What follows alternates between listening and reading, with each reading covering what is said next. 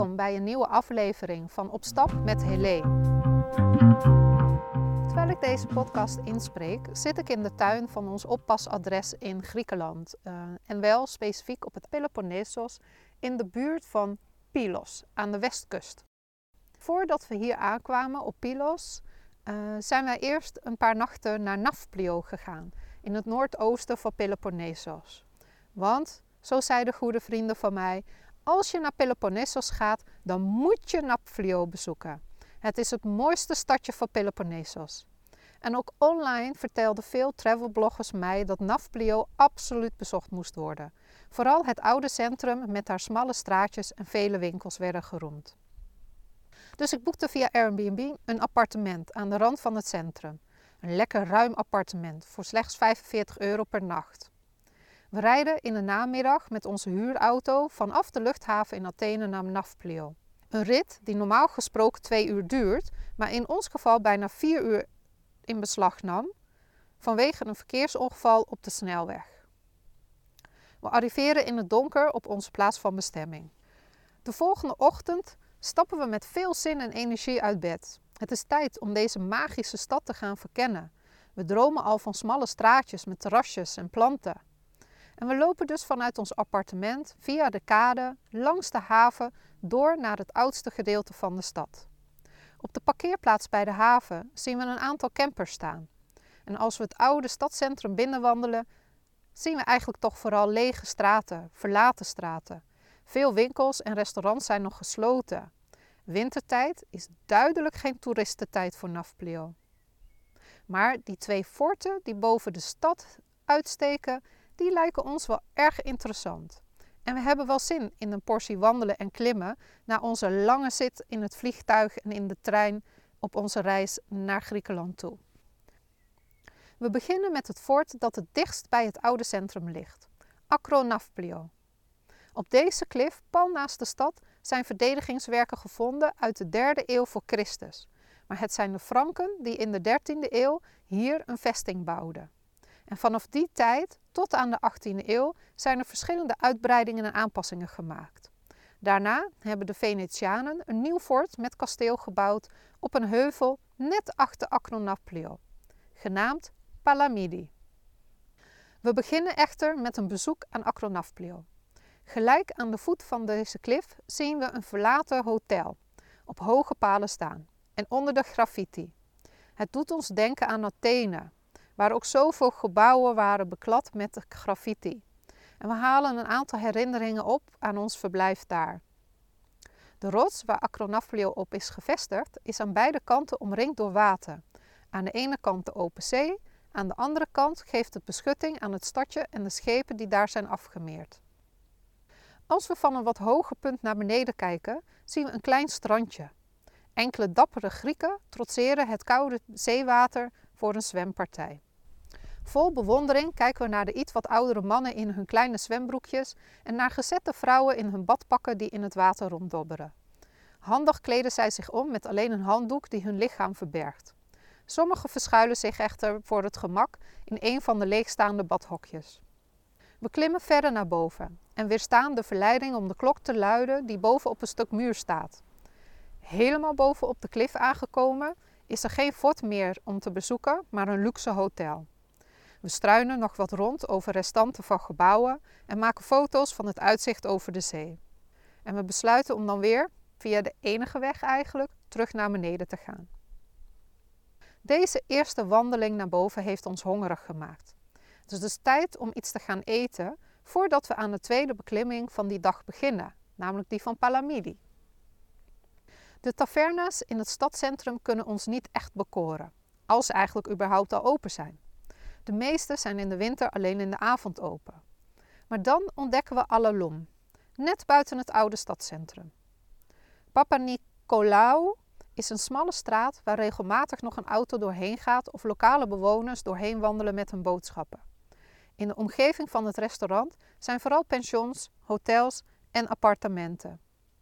Toch nodigt het terras van Alalom ons uit om te komen zitten. Houten stoeltjes met hagelwitte kleedjes op de tafels en een ontspannen heer die op het terras een kop koffie drinkt. We nemen plaats. De heer die net nog zijn koffie dronk, komt naar ons toe. en we vragen wat hij voor vandaag op de kaart heeft. Hij noemt vier gerechten op, waaronder ossobuco, een gerecht dat ik uit Italië ken. Hij lacht en erkent dat het een Italiaans gerecht is, maar ze hadden het vlees voor een goede prijs kunnen krijgen en hebben er dat gerecht dus mee gemaakt. Wij kiezen uiteindelijk voor de vissoep en kip met pasta uit de oven. De vissoep is heel simpel, met een groot stuk vlees, wat wortelen, aardappelen en peterselie in een bouillon. De smaak is echter super en heel gebalanceerd. De vis heeft een vlezige textuur en vult ons goed. Bij navraag blijkt het een lokale vis te zijn, genaamd Milokoppi. En volgens Wikipedia is het in het Nederlands een kust, kustbaardman. De kip met pasta was gewoon goed en met een half litertje wijn en flesje water voelden we ons als god in Griekenland. Vervolgens maakten we kennis met de gastvrijheid van een Grieks restaurant. Nadat onze gastheer de borden had weggehaald, kwam hij met een groot bord Griekse yoghurt overdekt met honing naar ons toe. Service van de zaak, zegt hij er vriendelijk bij. Toen ik meer dan twintig jaar geleden naar Griekenland op vakantie ging, werd ik gewaarschuwd voor afzetterij door Griekse restauranthouders. Ze zouden je extra eten voorzetten en als je er een hapje van nam, dan moest je ervoor betalen. Of ze sjoemelden met hun rekening door bijvoorbeeld al een bedrag voor de fooi eraan toe te voegen. Ik vond het toen altijd spannend om naar een Grieks restaurant te gaan. En nu, hier op Peloponnesos, ervaren we het tegenovergestelde. Zijn de tijden veranderd of zat ik toen vol vooroordelen? Trouwens, tijdens ons hele verblijf op Peloponnesos werd er vaak meer aangeboden door de restauranthouder dan we besteld hadden. Soms was het een stukje gekruid stokbrood uit de oven of een dessert. Maar we kregen zelfs een keer een tweede karaf wijn gratis. En geen enkele keer werd daarvoor extra geld in rekening gebracht. Na de meer dan heerlijke lunch beginnen we aan onze klim. Er wachten ons ongeveer 900 treden voordat we het fort van Palamidi bereiken. Via steile trappen worden we langs de rots omhoog geleid.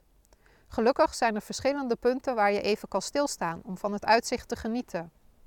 Een jong stel begint ongeveer tegelijkertijd met ons aan de klim. Zij moesten het qua tempo afleggen tegen onze middelbare. Wij worden echter weer voorbijgelopen door een vader en een zoon, die nog sneller dan wij naar boven wandelen. En tijdens hun klim naar boven voerden ze ook nog een gesprek, volledig op normale toon. We schatten dat de zoon van onze leeftijd is, de vader dus vele jaren ouder. En even later zien we ze alweer naar beneden komen. Is dit hun dagelijkse wandeling? vragen we ons af. Boven aangekomen betalen we het wintertarief van 4 euro per persoon om het kasteelterrein te betreden. De Venetianen hadden dit complex tussen 1711 en 1714 gebouwd. En na de Venetianen hebben de Ottomanen de vesting verder versterkt en uitgebouwd. Dit is onder andere te zien aan de kleine torentjes met bolle daken.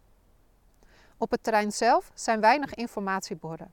En het is net als bij vele andere historische plaatsen in Griekenland een beetje raden naar wat je nu ziet. De uitzichten zijn wel mooi natuurlijk. Als we de trappen weer zijn afgedaald, hebben we nog energie over. Dat kleine strandje waar we eerder een aantal mensen zagen zwemmen, trekt ons.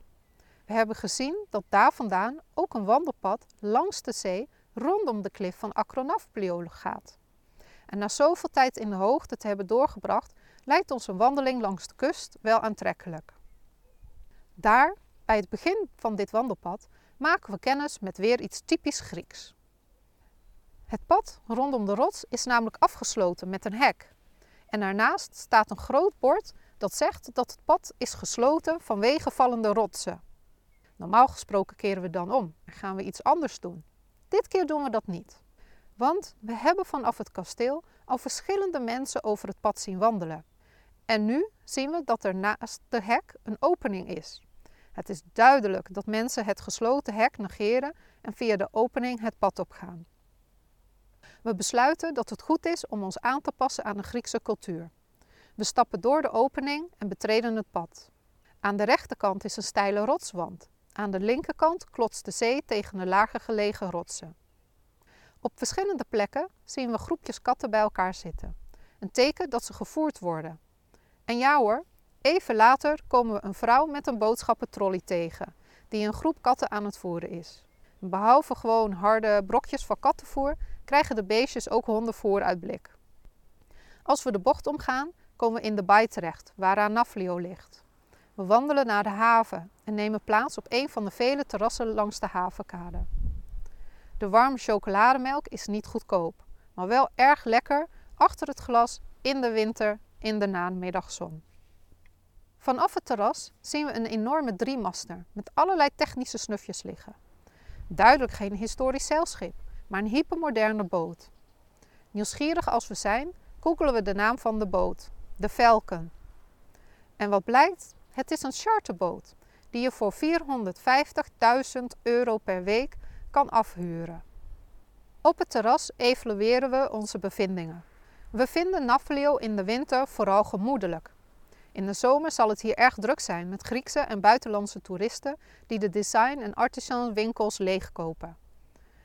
We zijn het eens met de beschrijving van een reisgids die zegt dat Nafplio een stad is met Italiaanse elegantie, Griekse gastvrijheid en toeristische vrolijkheid. We weten zeker dat in de zomer de nu verlaten pleinen vol staan met terrassen, die worden bezocht door zonneaanbidders en levensgenieters. In de winter is dat duidelijk niet het geval. Dan zitten er alleen oudere mannen met elkaar te praten achter een kopje koffie. En daartussendoor af en toe een verdwaalde toerist zoals wij.